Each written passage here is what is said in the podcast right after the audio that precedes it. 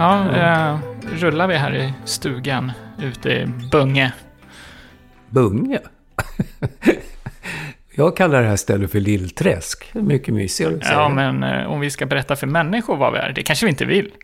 Jo, så det gör vi... De kommer ändå inte hitta oss i stugan. Och vem vill egentligen hitta oss? Nej, de här mamma två, kanske? Din mamma alltså. de här loserna, vad ska de göra? Nej, men jag tyckte, eh, om vi nu ska börja från början, alltså vi kallar det här för far och son. Ska man inte då berätta för varandra liksom ens första möte? Vad, vad, alltså, jag kommer ju ihåg precis när du kröp ut. Alltså, Alltså- mitt första möte med dig. Och sen Jag, när upptäckte du att du hade en pappa liksom. mi- mitt första möte vet jag, men jag minns det inte. Så Eh. mitt första möte var ju när jag kom ut, men mitt första minne... Ja, men det har du ju minne utav. Nej, just det. Nej, nej, det, okej. Första minne. Ja, eh, det, då var det för mig faktiskt... eh, Vi levde i en liten stuga i Tofta, vid Gnisvärd. Och du tog med mig på ut och grilla längs en liten park borta uppe vid någon liten lutande slätt vid stugorna. ah, det kommer jag ihåg nu. Så satt vi och grillade och det var du och jag och det var vår lilla grej. Ja, Nej, men och, får jag bryta in där? ja. ja. Vet du att den där är så superviktig? Vad, vad kul att du kommer ihåg det som första minnet. För grejen är så att jag jobbade så in i helvete på den tiden. Så att jag bara, du frågar ju mamma så här, är pappa död eller bor han inte här längre? För jag var ju aldrig där, även om jag pussade på dig så fort jag var hemma, men då sov väl du. Men då var det liksom, gick vi till en sån här psykolog och så så sa de, ja, men, jag sa, men det är så, jag kan inte sitta och bygga klossar, då dör ju jag. Alltså, det går ja, men du, du ska absolut inte göra. Du ska göra det du tycker är kul. Eh, och ta med dig Gabriel på det. Du var väl fyra, fem då. Och då kom jag på, det jag tyckte var kul var att åka till den här lilla stugan i Gnisvärd och grilla och göra... Och när jag gjorde det, och då blir det det första minnet. Det är ju fantastiskt, vilken psykolog som hade rätt. Ja. Undrar vem det var? Ja, Jag kommer inte ihåg alls. Nej. Jag vet bara att vi gick till en som sa det. Och sen blev jag så glad att hon sa att du gör vad du tycker är kul. Det kommer barnet upptäcka. Det är smartare än vad du, du tror. Liksom. Men då har vi båda minnet kvar av mitt första Ja. minne av min pappa. Och hur gammal var jag då? För det minns inte jag. Ja, men jag sa ju det att kan väl vara... Ja, ja, fem, kanske. Ja, Ja, ja. Jag vet inte. Någonting där i alla fall. Men, men, och ditt första minne av mig? Ja, det är ju första sekunden. Det är en fot. du, du kom ju ut bak och fram, så att säga. Ja. Så de första, nu kommer hon, sa de också. Ja, det blir en tjej, jag som vill ha en kille, men det gör inget, hann jag tänka. Och sen tittade jag, så kommer det bara en liten fot ut ur mamma, liksom. För det var ju sån här CT-spjudning. Och sen blev det panik när de väl, de var ju beredda att skära upp magen på mamma då. Om, det, om den andra benet skulle liksom komma snett. Och eh, så att, eh, nej, de stod där, kirurgerna och hela köret. Men sen fick de ut dig. Och, och eh, vad, vad, vad hände sen? Jag för mig att det var något som... Nej, men det var, alltså grejen är, jag var ju ändå 36, jag, jag som du är idag i princip. Och eh, först och främst var det en sån här jättelång förlossning. Jag tror morsan låg i 12 timmar liksom med verkar och grejer innan du kom ut med dojan. Eh, så eh, jag var ju så helt slut i nerverna så alltså, att jag kommer ihåg, jag måste ju säga något när du hade kommit. Jag- När jag öppnade, när jag öppnade ögonen. Ja, men du har ju inte fått en katt. ja, nej, just det. Förlåt, förlåt. Nej, det var fler minnen. Jag måste dra så här. Skulle jag få, första gången få byta blöjor på dig. Och så fick jag gå in i ett rum och då, då var jag själv liksom. För då hade du väl visat då. Och så gjorde jag så plötsligt drog jag upp dina armar. Liksom. Och såg, de nådde ju bara till öronen. Men medan mina, om jag drog upp, drog upp, jag drog upp dem där inne i rummet. Och, då är huvudet vid armbågen liksom. Jag tänkte, men han är ju neurosedynskoj. Jag ropar på sköterskan. Ja, men det är något fel. Han har jättekorta armar. Alltså, nej, det har ju alla bebisar, har jag förstått sen. Ja, då vill jag bara bryta in för, för det som lyssnar att det här är som min pappa. Och om ni undrar om jag blir konstig i kommande avsnitt och så, så vet ni att vem, vem ni, jag har att skylla på då. Ja, Det var bara att jag var obildad på barn, tror jag. jag. Så att, det var- Ja, ja, men nu, det, korv, du var inne där ute på landet. Och jag tog med det och grillade korv. Det är det enda liksom. Nej, sen, sen minns jag också när vi... Och, jag fick åka, pappa hade, alltså du då, hade en beachbuggy. Och det Ja. var den häftigaste. Det var ju, jag skulle ju få den egentligen. Ja, Den beachbuggyn, när jag växte upp. Och så, så Men man den, blev pappa fattig och sålde. ja, så den eh, häftiga bilen fick jag ju aldrig. Men eh, nej, det var när vi åkte runt i den. Det har jag ju minne av och eh, f- finns foton här i stugan på den som jag gav dig. För att det är så starkt minne som sitter uppe bland dina, ditt collage av foton här. Ja, ja. Men nej, det, det är nog det i de yngsta minnena faktiskt. Men då är det ju lite, alltså som psykologen var inne, på mina premisser. Ja, Alltså jag är inte leka klossar utan eh, grilla korv i, i stugan. Eller ut och åka beachbuggy på Ja, Visbys precis. gator liksom. men jag tyckte ju det var kul. För jag har det som starka minnen. Jo, men jag säger ju, det. Jag, då valde jag ju rätt. Ja, Jag lärde mig av psykologen där alltså. Precis. Att, eh, men eh, är det alltså korvgrillning och åka beachbuggy, det är pappa för dig? Alltså. Ja, det är en ganska bra summering tror jag. Nej, Nej, men det är ju inte dåligt. Men vad, vad tyckte du liksom om din pappa när, när du var så här riktigt liten? Vad, vad tyckte du? För nu har jag ju bara hört det där att eh, man skulle göra det man själv tyckte var kul. Och, Nej, men jag tyckte du var eh, rolig och spännande, tror jag. Eh, Tror just jag. för att jag fick haka på dina saker som jag tror är ganska ovanligt att man, att man får göra. tyder på en taskig uppfostran. Man tror att det är ovanligt att pappa nu gör någonting med sonen. Låter 1928. Nej, men jag menar att det var på det du tyckte var kul. Jo. Att, att Mm. många får nog växa upp med att sitta med klossar eller göra Ja, det. ja, ja. ja. Alltså det som egentligen man kanske bör göra. Men det. men det här blev väl inget fel det. Sen att jag inte har en bil än idag. Det. Ja, men det, ja, nej. jag tänkte på... Det här, nu berättar jag ju minnen. Ja, du tog ju upp, men jag tog ju bara första sekunden. Så här. Men... eh, Ja, Men, eh, får, jag bryta in? Eh, Finns det någonting, det här är en ganska stor fråga kanske, men finns det något personlighetsdrag som jag hade som eh, liten som du fortfarande ser att jag har idag? eh, ja, måste jag tänka då.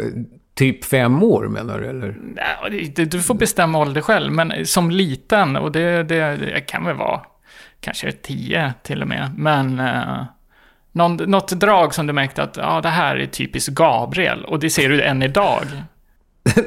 Nu fick jag bara så här flashback direkt som är rätt kul. Fast det här är taskigt kanske. Det var ju, vi fick gå till psykolog med dig. Nej, men vi var ute och vandrade i skogen, så kunde du plötsligt, du var ju liksom inte ens en meter hög. Och så plötsligt såg man bara rumpan på dig, för du böjde dig framåt och bara satt, stod så här och stirrade ner i marken. Och fastnade så här. Och det, vi blev ju jätte... Vi gick ju... För det var varje gång vi var ute och promenerade, mamma, du och jag. Och då gick vi och sa, vi måste bryta det. Vi har aldrig fått reda på varför. Men å andra sidan, jag tänkte det som kvar idag. Är det någonting så fastnar du i en pryl liksom. ja, men det är så. Då är det bara det som gäller under några dagar. Och sen är det helt borta, så är det en ny grej. Och då är det 180. Bara det som gäller liksom. Är det det som kallas för ADHD eller eh, OCD Ja, det är- eller? Nej, det är Gabriel. Nej, men det är ju... Jag tror att jag hade... Kollar vi inte, eller lyssnade vi på någonting där jag ändå var ganska bestämd? Det var någonting vi lyssnade på som... som där jag kände att jag gillar ju att lägga saker på rätt ställe. Jag gillar att direkt avsluta någonting. Det ska vara klart direkt. Och så fort jag är klar med det så Ja. tänker man att... Det var en psykolog som sa till mig, okej, vad intressant, du gör allting på en gång så du blir av med det. Men vad händer efter du är klar med det? Sätter du ner och tar det lugnt då? Ja, Nej, då fyller jag det med en till sak. Ja, intressant. Ja, men, Så ja, att- men det är ju intressant. Men kom man fram till vad, det- vad kallas det då? BCAK? Eller vad, vad är det för nej, kombination? nej, men han, när vi gick inte in faktiskt på, på just det. Men Men vad är det för en psykolog som bara säger ja, det, ja, det var intressant och så berättar han inte vad det jag tror det handlar lite om min minnesförlust också. Att, det kanske, att jag inte minns, minns knappt vad jag sa nu i Corona. början av det här samtalet. så Långt, det, nej. Men jag menar ett personlighetsdrag, att jag tycker att jag har slänge av ADHD, positiva drag. Att jag är väldigt kreativ, jag gillar att göra saker som du berättar. Jag går in för saker och så gör jag det till 100% för att det verkligen ska bli något. Jag kan inte låta det vara. Och så, det kan vara i musik, det kan vara Ja, i ja. jobb, det kan Mm. vara i relationer, det kan vara liksom, jag ger, jag ger allt. Ja, men det där tror jag ju så, eh, har jag missat. Det, det kommer jag inte ihåg som barn, att det var en grej som gällde liksom. Nej, Utan det är någonting jag verkligen har upptäckt när du blev vuxen. ja. Att det, det är så. Men jag kommer inte ihåg som barn. ja. Utan men du var så väldigt...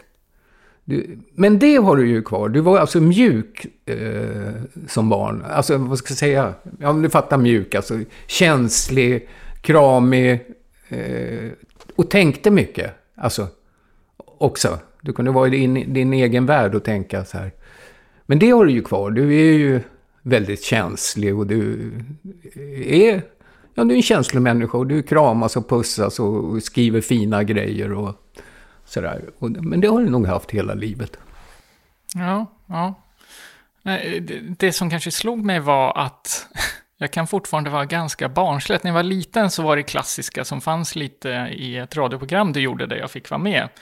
Som hette Barnen i Boängen när vi var ute på olika äventyr eller du frågade stora frågor. Så var vi ute en gång där med husvagnen och så blev det att jag vill baja inne, jag vill inte bajsa ute på utedass utan jag vill baja inne på pottan. Ja, det fanns ju... Det var, inte, och- det var en husbil, så den hade ju en mugg där. Precis. Som jag tyckte var helt onödigt. När det Ja. fanns... Vi, vi, vi parkerade alltid vid något fiskeläge, då fanns det ju en mugg. Precis, och då var det ju att eh, den andra, Roger, han satt redan på toan och då sa du, då kan ju du gå på utedasset så länge. Nej, nej, jag vill bara inne.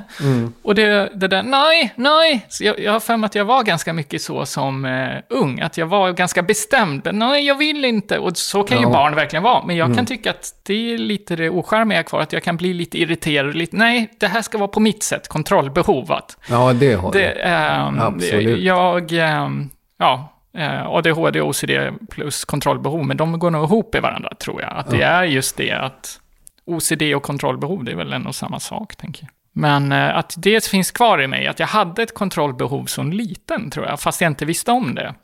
Mm. Eh.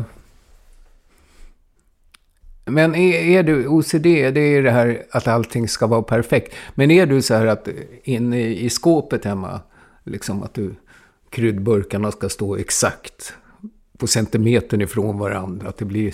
Nej, Symmetri inte där, men det, den ser ju, öppnar man den så ser den ju OCD-ig ut. Men den står kanske inte inte, inte, inte inte just porslinen, nej. Nej. Men du, den ser ändå allting, alltså jag lägger ju allting på samma ställe och de ska vara så. De får inte blandas tallrikarna varannan och det funkar inte. Nej, nej.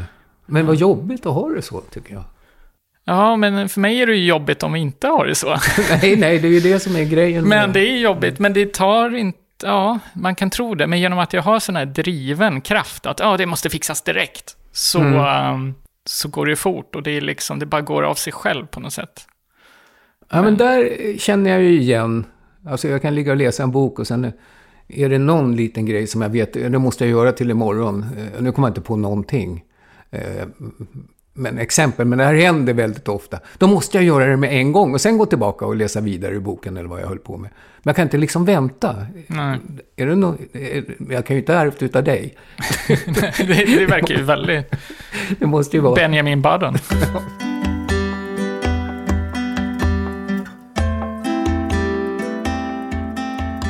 Nu byter jag lite ämne här, men jag tänker det vi är i nu som alla är så jävla trötta på att prata om och som jag är trött på att tra- prata om och du, men vad, vad är det man gör? Man läser om det varje Ja, dag. jag vet Det- precis vad du menar. Ja, men bra. jag vet vad du ska komma till. ja, corona då. Men eh, jag tänker hur eh, vi som far och son, Gotland, Stockholm, eh, pappa bor på Gotland, jag bor i Stockholm just nu, hur, hur det har påverkat oss. Jag tycker det är ganska intressant att gå in i det och se hur har livet varit innan corona, under corona. Mm. Jo, Vill du börja? Nej, nej, jag bara tänkte, eh, en grej är ju Alltså för mig, jag är ju så jäkla gammal. Jag är ju riskgruppen i 180. Och jag träffar inte någon mer än dig när du kommer över hit till ön. På något sätt, alltså jag tar ju en risk. Men du säger ju att du har haft corona. Jag måste acceptera att du hade det för ett år sedan. Så att inte du kan smittas. Men jag tar faktiskt den chansen. Men du är den enda under ett år. Ja, nej, i somras. Då, då var det som den var borta ett tag. Då kunde man träffa lite folk. Inte så att man eh, kramade satt på dem. Nej, men jag fattar att du vill veta hur livet... Ja, men, ja, ja, men jag har varit isolerad, kanske. Och du då? Kanske. jag känner ingen mer isolerad person, tror jag. Nej, men jag tänkte vad är skillnaden mot i många fall nu, mina sista år här innan corona, ja, var jag rätt ensam ändå, liksom. Så att det egentligen var inte någon större skillnad. Ibland kan jag känna att det är rätt skönt. För men du har väl, jag tänker, innan så har du varit ensam men kanske inte träffat så mycket människor. Mm. Men nu vill du ju än mindre. Du har ju tagit ett steg att träffa, att inte träffa människor av ett medvetet val. Ja. Och då blir man ju ännu mer ensam. Ja, ja. Men har ja, du... nu är jag ju trött på det. Men i början tyckte jag det var skönt. Det är ingen som ringer på dörren. Man är tvungen att kamma håret. För att nu är det aldrig någon som kommer. Man, man kan se ut som man vill. Men uh, har inte, uh, jag tänker det som alla pratar om, men det har väl, har inte sociala kontakterna, har du inte utvecklat det på något sätt? Har du ringt oftare till vänner eller har du pratat mer video som många nej, gör? Nej, bara med dig och, och mina syskon. Alltså, nej, annars är det ju... Nej, men det, gör man ju mer än förut. I och för sig. Alltså min kontakt med dig och... Eh, vi har ju den här tråden med mina syrror och dig. Och den har vi ju nyttjat. Det gjorde man ju aldrig förr. Nej. Utan... Eh, nej, nej, nej men... Nu, nej, nu är jag trött på skiten. Ja, det har man varit länge. Mm. Men kan man inte säga att en anledning att vi sitter här just nu kanske beror på att det är corona? Att det här kanske dök upp i att vi börja tänka mer på våra liv och filosofera. Jag tror många gör det. Det är därför många flyttar på sig, byter bostäder, flyttar tillbaka till städer, byter jobb. Att man kommer till insikt under corona, att var står jag i livet någonstans? Vad, mm. vad, vad gör jag? Och jag, den här... Eh, den här tanken med podden, förutom att jag började lyssna på poddar under, under corona, jag gjorde inte det så mycket innan. Och det är hit jag åker. Jag träffar nästan bara dig. Jag träffar mamma också, men mestadels dig när jag åker hit till Gotland. Och eh, då tänker jag att det här kommer ju ur att man, man saknar kontakt och man saknar att kunna träffa och möta människor och så. Och då kanske den här podden har skapats av det. Det kanske har skapats av att man känner sig ensam och man vill prata med människor och, och så. Mm. Och det här blir ett sätt att jag förstår. Ja. Vad tänker du om det? Nej, nej, jag, det, det, är väl så. Jag menar i alla fall så som du upplever det. Och det låter ju klokt och vettigt. Jag kommer inte ihåg vad du sa nu för jag är så jäkla trött. det lät klokt. Ja. Det, så det finns något positivt med skiten. Nej, men för mig eh, som bor i Stockholm så um, det här med corona, jag tycker inte det är någon skillnad. Att uh, ha bott där innan corona och under mm. corona. För den staden har jag börjat tröttna lite på. Jag har bott där i cirka 15 år nu och tycker den har blivit lite kallare och kallare rent socialt. Jag är en väldigt social uppsökande människa. Mm. Men känner att folk bara passerar förbi och folk är alltid lite stress och det är mycket karriär. Och jag är inte alls sån. Jag är mer en kreativ, familjär person. Och jag känner att under corona så är det, ja, det är ingen skillnad på det. Jag tycker det är precis samma sak. Folk sitter på sin tunnelbana med avstånd. Det är ingen skillnad. Det var så innan också. Ja. Eftersom man är i Stockholm är man så osocial när man är ute. Det är skillnad. Ja, men det är så mycket människor. Och man det säger inte hej en... till en okänd, för då kan man få en styr. Nej, jag tänker om man säger hej till alla okända på vägen till jobbet, då är man ju utbränd innan man kommer fram. Det är ju för många, så ja. det är ju inte konstigt att man inte tar kontakt med alla man ser. Mm. Men uh, det, det, jag ser ingen skillnad på corona innan Stockholm och under Stockholm. Det är ju väl att man inte går ut på en bar och får chans att kunna träffa nya folk så kanske. Men det är rent, rent stadsmässigt, ute på gatan, på tunnelbanan, på... Ja, det är lika är det, kallt som det, det var innan liksom. Precis. Man håller avstånd. så gott det är. Ja, men man, precis. Man håller avstånd redan innan corona på det sättet. Ehm, Men eh, dina kompisar och sådär. Du, du umgås ju mycket. Du gör ju musik med din kusin och sådär. Men det, är det inga restriktioner där? Liksom? Är det någon skillnad när du... Ja, men du dejtar väl också? Men kramas ni inte då? Utan sitter du två meter Det- från varandra och säger puss puss? Eller hur Man, eh, nej men det, om jag går på en dejt så brukar jag stämma av innan. Just för att visa respekt och sånt. Att är det, är det okej om vi kramar varandra? Det är på den nivån. Att Du frågar, har du haft, har du haft corona? Frågar du det det? tror jag kommer fram eh, lite automatiskt. Det tror jag att det är... Det måste ju alla, eh, båda veta. eh, Jag tror att det har varit situationer där man inte har nämnt det. Och det, det får inte bli för betydande. Men jag har Det- gjort det alltså, tagit den chansen. Nej men du är hundra att du har haft covid. Du kan inte bli smittad alltså.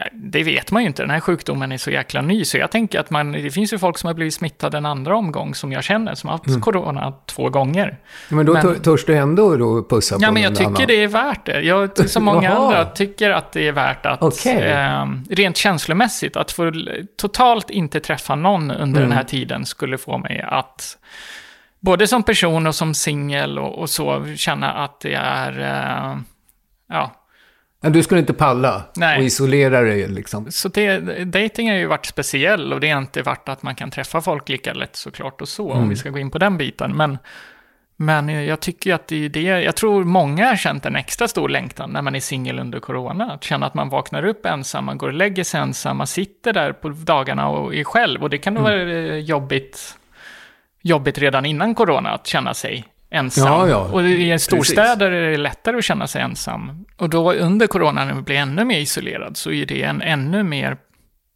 ännu mer känslosam situation, Mm. tycker jag. Att känna sig ännu mer... Ja. Nej men det är, jag, jag hajar. Det är... Usch ja. Det är ju... Nej men... Det är ju lite så här, och jag törs ju knappt ta upp det. Jag är ju också singel. Men jag börjar ju, jag är ju så gammal så jag börjar tänka, ja men jag får ju ge upp. Alltså, jag kommer ju inte få, alltså det, nu är det, ja, jag, från vår mamma höll jag på att säga, från din mamma och min fru. Vi skilde oss 2002. Det är snart 20 år sedan nästa år.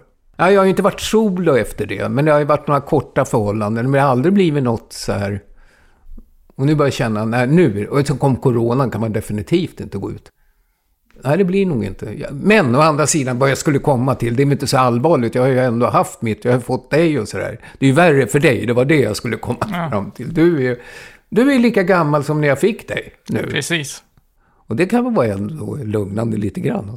Det är aldrig för sent, så att säga. Ja, men det är en sak jag tycker är lite jobbigt för mig att vara i den här åldern genom att jag kommer från Gotland där det är ganska normalt att man kanske har en två, tre barn vid 25 års ålder. Eller det är ju väldigt skiftande. är Men det? det tror jag inte. om du jämför med Stockholm så är i alla fall medelåldern, senast jag kollade, 36 år. Det kanske har skiftat nu. eh, Och få sitt första barn. Eh, Hos man eller kvinna? Nej, Båda. generellt. Ja, båda? Att få barn, är- ja. Ja, ja. Att- Man är ju ungefär jämngammal i förhållanden, alltså i det mesta. När jag bodde här, då var ju en person som fick barn när hon var 18, en annan när hon var 20 och ingen rycker ju på ögonen för det. För här Nej, på nej. Mm. Gotland är ju det inget konstigt. Så, men det känner jag att jag kan säga det, att jag börjar känna mig gammal för att bli pappa. Och det kan många reagera på. Men, men du kan ju få barn när du är 70-80. Ja, Ja, och vad är det för respekt till barnet? Du vill leva 10 år och sen så får någon ta hand om det. men hallå? Det, jag var ju faktiskt i din ålder när jag fick dig. Ja, men jag sa att jag Tycker att det- börjar nu bli börjar- gammal. Lika bra att snacka ut med farsan nu innan han trillar av pinn. Liksom. Nej, men... eh, Nej, men jag fattar vad du menar. Det är Men det är inte många som förstår det, för för tjejer finns det ju en mer satt ålder, Mm. vilket jag också förstår, men det är inte många som tänker på att män ändå kan känna sig gammal i en 35-40 års ålder och känna att okej, barnet är 10, då är du 50, du är Mm. 60 när du är 20 och då kanske du får tillbaka ditt liv Mm. när du är 60-65, beroende på när du får barn. Och då är, man, då är man ganska gammal för att liksom kunna få tillbaka livet, tycker jag. Så, Ja, men jag fattar precis. Men samtidigt sitter jag här och tänker, hur tänker du på mig då? För att jag menar, jag är, tycker att det är... Jag, är, jag har ju varit med som en vanlig... Jo, Om jo. jag hade fått dig vid 20 hade det varit bättre då. Liksom. din, ditt Ja, men jag tror man faktiskt, eh, det, det vet jag inte med dig, men jag tror jag, inte när man var 20, men jag tror att efter 30 har jag börjat känna av lite ont i ryggen, lite segare, men jag är inte alls som när jag var 25. Mm. Och det vet jag att det är efter 25, där någonstans det börjar trappa ner i... Men säg inte så, blev ju livrädd. Jag får hämta rullstolen och åka härifrån. det, Nej, men någonstans där så börjar det bli, bli sämre i kroppen och, eh, och jag tycker det känns lite så. Så att jag, eh, jag förstår om det är förvånande att höra att när man är 30, ja, jag är 37 nu, att säga att man börjar känna sig gammal, inte för gammal för att skaffa barn, men att man börjar känna sig gammal. Eh, och det är ju bara en insikt och det finns inte rätt och fel, utan när någon känner att jag skulle vilja ha barn ungefär vid den här åldern, det spelar ingen roll om du är tjej eller kille, utan det är det du känner, det är det du, mm. det är det, ja, så du har velat ha det. Nej, men det... Eh, ja, men för mig var det ju så här att... Men det är ju en helt annan generation, jag och mina föräldrar, så att säga. Och jag tyckte ju den uppfostran jag fick, vi kan ju jämföra det hur du tycker nu då, eh, med musiken, med allt och växte upp på 60-talet när jag fick en egen identitet, ungdomar och hela det här köret. Eh, så kommer jag ihåg att jag tänkte, eh, när jag, alltså jag måste få barn när jag är 20. Jag måste få barn så tidigt så att inte jag hamnar i samma fälla som mina föräldrar, alltså som var så mossiga. Mm. Och då tänkte jag, för då ska jag behålla det här ungdomssinnet, få ett barn, då, kan jag, då är jag fortfarande inte påverkad och blivit gubbe liksom. Nej, Men sen eh, blev vi 36. När jag fick dig då. precis. Eh, Det var, jag var inte så gubbe, det låter Nej, inte så man, man är inte gubbe, men jag tänker, alla som sagt har ju olika bild av vad man vill vara i livet och när man vill vara i livet. Mm. Och det är kanske inte så, och sen kan man inte bestämma det, det är det jag menar. Eh, när jag flyttade från Gotland och var 21 så var min, hade jag en tanke att när jag är 25 så ska jag flytta tillbaka till Gotland och ha en familj. Det var så jag tänkte. Det var inte ett mål, men det var min tanke. Ja, men jag flyttar till Stockholm, testar på något annat i kanske tre, fyra år. Och så hittar jag en dam som tycker, tycker om Gotland. Och så flyttar vi tillbaka hit och så skaffar vi familj. Och så det är det min karriär är. Det är inte jobb eller någonting, utan det är familjen som är karriären. Mm. Ehm, men nu, vad blir det? 12 år senare efter det jag har tänkt så sitter jag singel fortfarande kvar i Stockholm. Ehm, Ja, men under de 12 åren har du ju haft tre längre förhållanden. Du har bott ihop, tre stycken. Jo, Så att det har ju funnits. Och sen att inte det har funkat. Så att det har inte varit att du har sett att liksom bara haft one night stands. nej, nej. Utan eh, du har haft förhållanden. Precis. Bott ihop och flyttat in möbler och ut möbler och sådär. Så att det har ju varit på G liksom. Precis. Och på tal om relationer och sådana saker. Jag ska bara sticka in med en sak som egentligen var det första vi pratade om, om det här med uppväxten och det första man minns. Så det var en sak jag tänkte på igår inför att vi skulle spela in den här podden. Så kom jag på, vad är jag för någon? Vad, vad, vad härstammar jag från och var kommer jag från? Och jag skulle säga, utifrån dig då, far och son, att skulle man kunna säga att jag är en båtflyktingspermie. Genom Ja, att ja, du där är ju... Utvecklar, ja, men jag tror jag fattar, men det, det var ju ett kul ord. Båtflyktningspermie, okej. Eh, nej, men eh, du är ju inte född i Sverige. Du är ju född i Rumänien. Mm, jag var ju fem månader när jag kom hit i och för sig. Ja, Så du är född i Rumänien. ja. Och hur du tog dig till Sverige var genom att fly genom en eh, flykt. Nej, men mamma var ju, var ju svenska. Hon hade ju flyttat med pappa som var rumän. Och då flyttade, flydde de med ett svenskt far- lastfartyg från Konstanza i Rumänien till Sverige. 48 då, efter kriget där. Och Var det det hur- du menade? Ja, precis. Och hur fick ni det där eh, lastfartyget som det var? Lappland, har jag för mig att Mm. du sa att det kallades. Hur, hur fick ni kontakt med dem? Ja, det, jag har lite svårt att minnas. Jag var ju fem månader som sagt. Men det är återberättandet då? ja, jag som, skojar bara. Nej, jag eh, vet inte. Men mamma hade ju kontakt. Även pappa hade ju varit... Det var ju så de träffades. Han kom ju till Sverige under kriget som diplomat. Eh, eh, ja... Men under... Alltså pappa var ju diplomat, så när de återvände var ju jätteförmögen familj. Liksom. eh, eh, så nu kommer det hända grejer snart. Det kommer, alltså, han förutsåg den här revolutionen med kommunismens övertagande. Sen hade, de hade ju många kontakter med Sverige, hur de skulle komma loss. Alltså, för det var utreseförbud. De stängde ju gränserna där. Och morsan eh, kontaktade, för hon kände ju en del Crafoord som var överlegat, att hon hade fel på hjärtat. Och då sa de, en syra var ju född också. Då, då eh, Eh, sa läkaren, hon måste hem och opereras i Sverige, de enda som kan. Ja, om det går bra, då får hon ta med sig den eh, yngsta, alltså mig då. Jag kanske ammade fortfarande. Men eh, pappa och min syrra som var tre år då, skulle vara kvar. Alltså, de fick ju kämpa. Det var därför det blev en flykt till slut. Men de fick väl via kontakt. Ja, men det fanns ju, självklart. Det här fartyget, mamma var svenska. Det är klart de ska hjälpa till. Och sen eh, stack de bara. Okej, okay, intressant. Och då, vad sa du att du var en båtflyktingspermie? Ja. Ja, ja, ja. Jo, det, jo, jo. Det. ja. ja. Men eh, jag tänker på att jag jobbar i eh, Stockholm. Jag jobbar med film och redigering på en eh, stor kommunikationsbyrå. Du är pensionär. Usch, det låter ju som man är asgammal och ändå är det flera år sedan jag blev. Uh, skulle du säga att måste man jobba för att vara lycklig? Är du mindre lycklig nu utan jobb ja. än när du jobbade? Ja.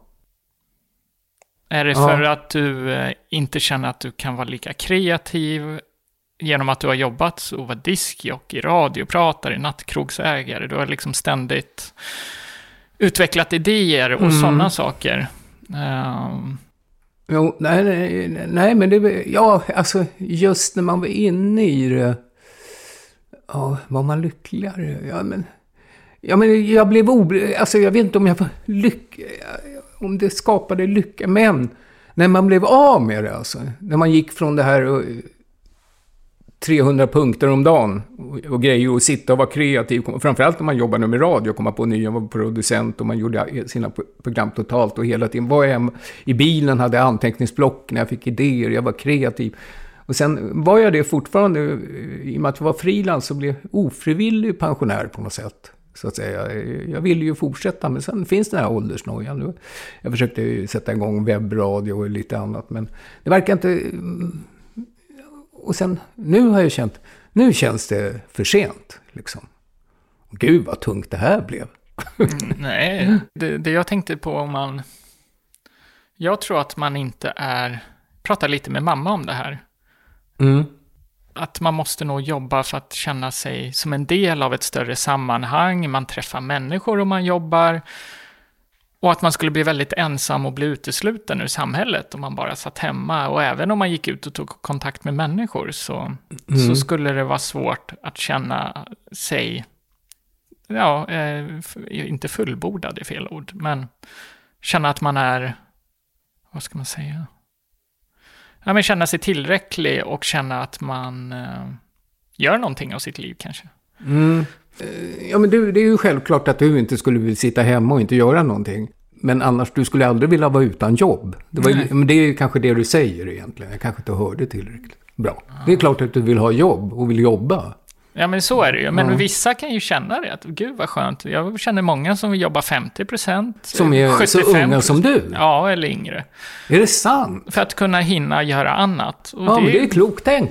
Om man klarar kunna det Hinna vara mer med sin familj, med sitt barn. Ja, ja, ja. Eh, kunna träna mer, kunna utveckla andra ja, saker ja. som du inte hinner när du jobbar. Men hur många är det som har den förmånen att kunna Nej, det leva tror jag inte. Då måste man kanske ha en grymt bra lön så att man kan gå ner med det. Men jag mm. tror, och jag kan känna det, att skulle jag ha familj, den tiden jag kan lägga på mitt barn de första mm. fem, tio åren och jobba lite mindre, det mm. skulle betyda riktigt mm. mycket.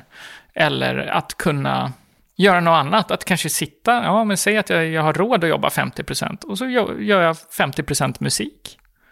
Och kunna sitta då, mer med det. Då, det blev ju 100% då. 50% jobb och 50% musik. Det barnet och familjen du ja, skulle ta hand om. Jag menar just nu. jag menar just nu. Mm, okay. ehm, ja, jag fattar. Men eh, för att knyta an till vad podden heter, Far och son, uh, så tänker jag det som är vår största gemensamma punkt, för mig, sedan mm. jag var liten, som jag tror är det starkaste minnet jag har än idag, rent generellt, det är att vi har en gemensam komik. Varje gång jag träffar dig så tänker jag på att nu kommer vi skratta tillsammans. Nu kommer vi sätta på något roligt klipp, se en rolig film, vi kommer sitta och diskutera, vi kommer ha ett samtal som kommer göra att vi kommer till slut garva. Vad mysigt att du, du tänker så alltså. Eller har den känslan när du kommer till Gotland och till mig. Ja, men mm. det, så är det. Vad, vad, vad, tänker du då när jag säger så? Vår gemensamma humor? Och att vi har ja. det som en väldigt stark... Ja, men det är ju underbart. För, nej, men att, först och främst, finns det eh, något skönare än att skratta egentligen? Endorfinerna sprutar ur öronen liksom. Så att, eh, och det är ju väldigt svårt. Eh, jag är ju, men det vet du, isolerad så här. Att se någonting, till exempel en serie eller som ska vara rolig. När du själv, då smilar du lite så här för dig själv. Kanske mår bra, må bra i kroppen. Men är du, det, är jag med dig och sen börjar du, jag hör dig börja, och så börjar jag här och sen, det blir så mycket mer skratt och ännu mer. Det blir tio gånger roligare det skämtet som de sa i den där serien. Liksom.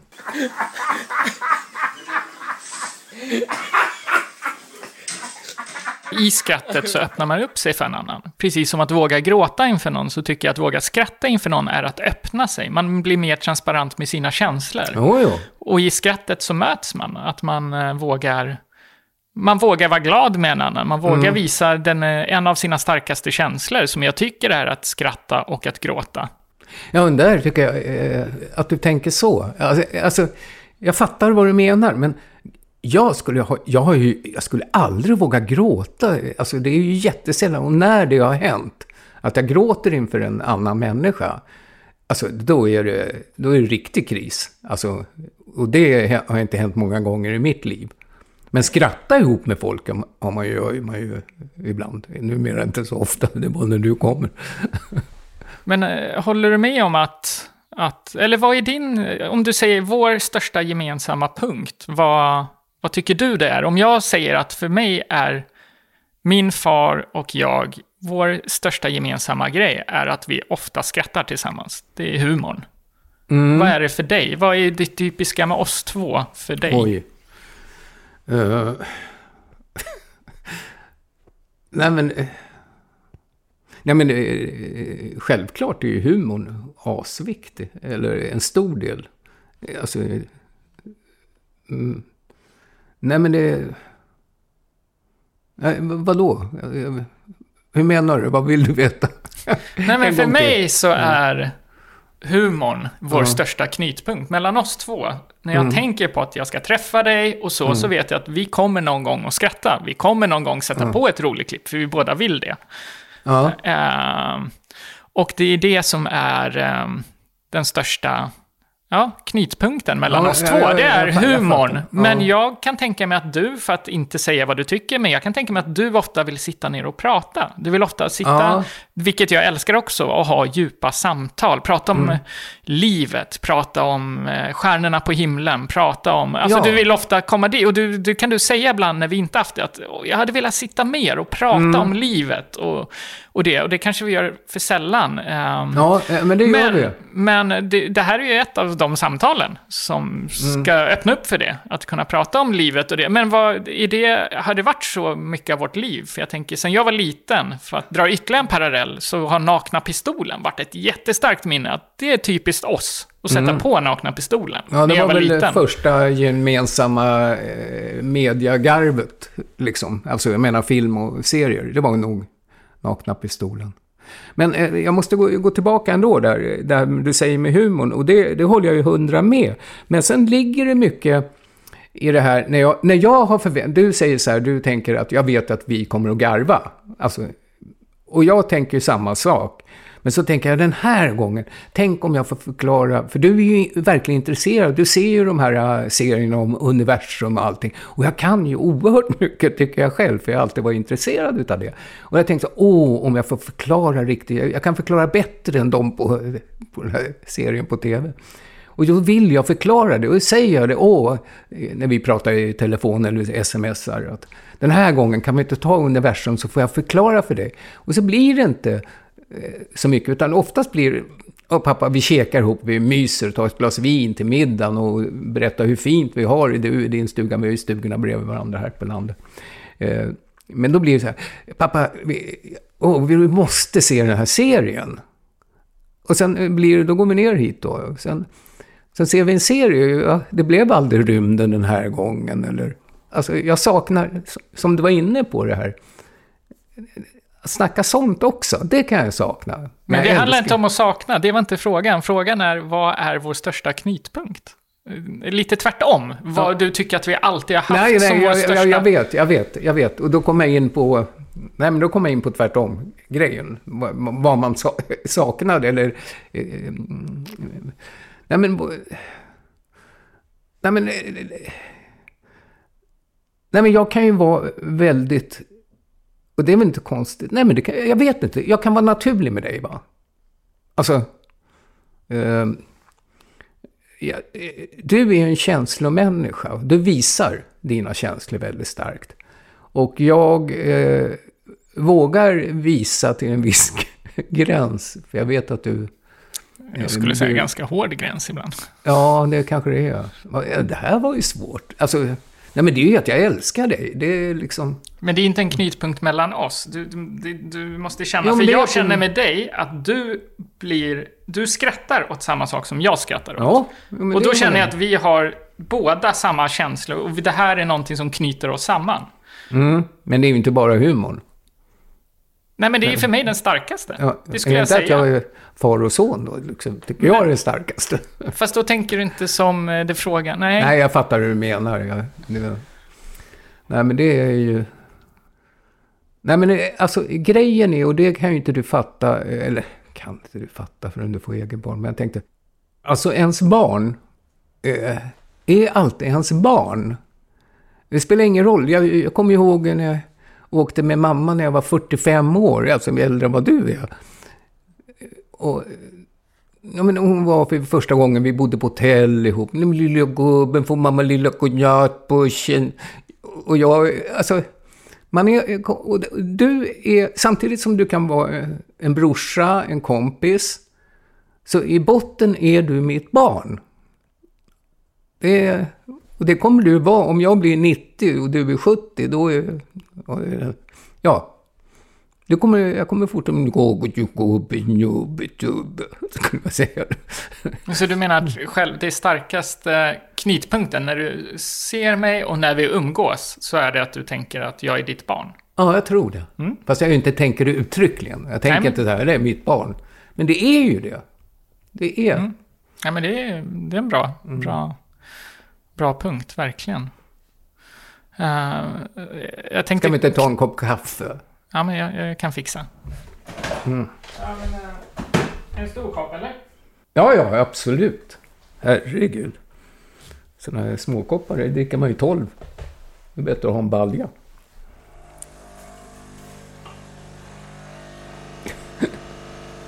Men uh, hur många är det som... Jag har ju slutat brygga. Jag kör ju bara en sån här maskin. Ja. Nespresso, eller vad det heter. Men hur är det... Eh, jag vet att du har ju inte det hem, hemma där du bor. Hur är det med polar och har folk det? Eller brygger folk kaffe? Ja, de flesta tror jag brygger, brygger och inte, inte sån här ne, inte Nespresso. Det, ja, det vet jag inte. Jag är ju fan aldrig hemma hos polare längre. Videomöten. Ja. Här har du en kopp. Tack.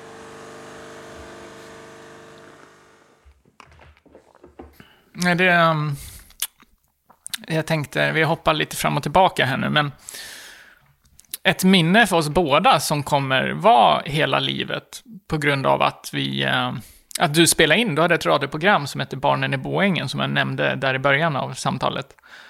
Uh, som du gjorde när, när jag var liten och så var det två grannar, uh, Roger och Tobbe, och så frågar du stora frågor om livet, om kärlek, om otrohet, om cigaretter, om... Eh, ja, allt sånt där. Och så... Där är ju jag jättetacksam att det är ju någonting att spela upp för om jag får barn eller i en relation. Mm. Och det är ju liksom, barn är så ärliga när de är unga. Mm, så var- att det är, eh, det är jag så, så glad för. Hur kom du på idén att göra det här? Nej, det är ju det- lite som en, det är lite som en podd. Alltså det, skulle, det är Ja, ju det var ju en serie. Boängen hette ju det lilla området där vi bodde då. Mamma, du och jag. Och sen grannarna som du sa. Eh, ute på landet. Nej men eh, det, jag kommer ihåg hur det var egentligen. Det var eh, en söndag morgon jag hade jobbat hela lördag natten och så här. Och sen hörde jag din kompis Roger. Du var fem år. Och han var väl också fem kanske? Ja, skitsamma. Då hörde jag, eh, då hörde jag eh, hur han satt och förklarade för dig och Roger hur livet kom. Och han, jag bara tänkte, han berättade, att allt kommer från vattnet och så blev man en amöba och sen kom eh, de här organismerna upp på landen och det blev olika djur. Och, och sen, han förklarar hela evolutionen så här. Jag bara tänkte, men herregud, jag blev mer och mer vaken. Så här, öronen blev stora som elefantöron och tänkte en femåring som berättar helt. Och, och till slut då kom vi upp i träden och, och blev apor. Och jag tänkte, ja men det här är fantastiskt. Och sen det sista då, så, så, då blev han tyst. Och så, men det är en grej jag, jag inte förstår. Det är, hur kom vi från träden in i mammas mage? Och då, och då kände jag att nej, det här är inte sant när barn pratar och hur de är. Då tänkte jag, nej men jag började och, och prata om livets stora frågor. Det var ju flyktingkriser och grejer. Då tog jag upp med er tre, ibland var det en fjärde. Och ni, om Gud och till slut blev vi, jag gjorde det en gång i veckan, vad var det, sju, åtta minuters eh, grejer. Men ni blev så vana med det här att jag hade ju, stod och väntade som små tändsoldater på att nu är, det, nu är det dags för inspelning. Och till slut om inte jag kom upp i tid, då tog ni micken och hela eh, inspelningen och bara körde liksom själva. Och jag kunde ju sända det. Ni hade ju blivit världens proffs. Så ni satt ju så här och jag låg och sov. Och sen kom jag så behövde inte klippa något nästan. Det var kanon. Nej, Jag har för mig att det var ett speciellt tillfälle där jag tog inspelningsapparaten och spelade in mig och Roger. Ja, men det, precis. Och jag kommer inte ihåg vad det handlade om då. Jo, nej, men det, det glömmer jag aldrig. För det, det var faktiskt, ni var inne om Gud och Jesus och vad ni trodde på. Eh, När jag hade olika teorier. Men en grej som var eh, så kul, men kanske om det var vid det tillfället. För jag, jag vet att, nej det kanske inte var där, men jag kan säga det här, det är rätt ro, det här är faktiskt en rolig grej. Din klassföreståndare heter Gudrun, ej att förglömma. Och jag sa ju när vi pratade om Gud, liksom, du ville ju prata om det, du hade sådana intressen nu när jag tänker efter det här med religiositet och Jesus. Och jag sa ju alltid han. Ja men, ja, men vad menar du med det? Varför säger han för? Hon är ju en, han är ju en hon. Vadå? Ja men, eh, Gud är en hon, sa du. Ja men, ja det är möjligt, men hur har du kommit på det?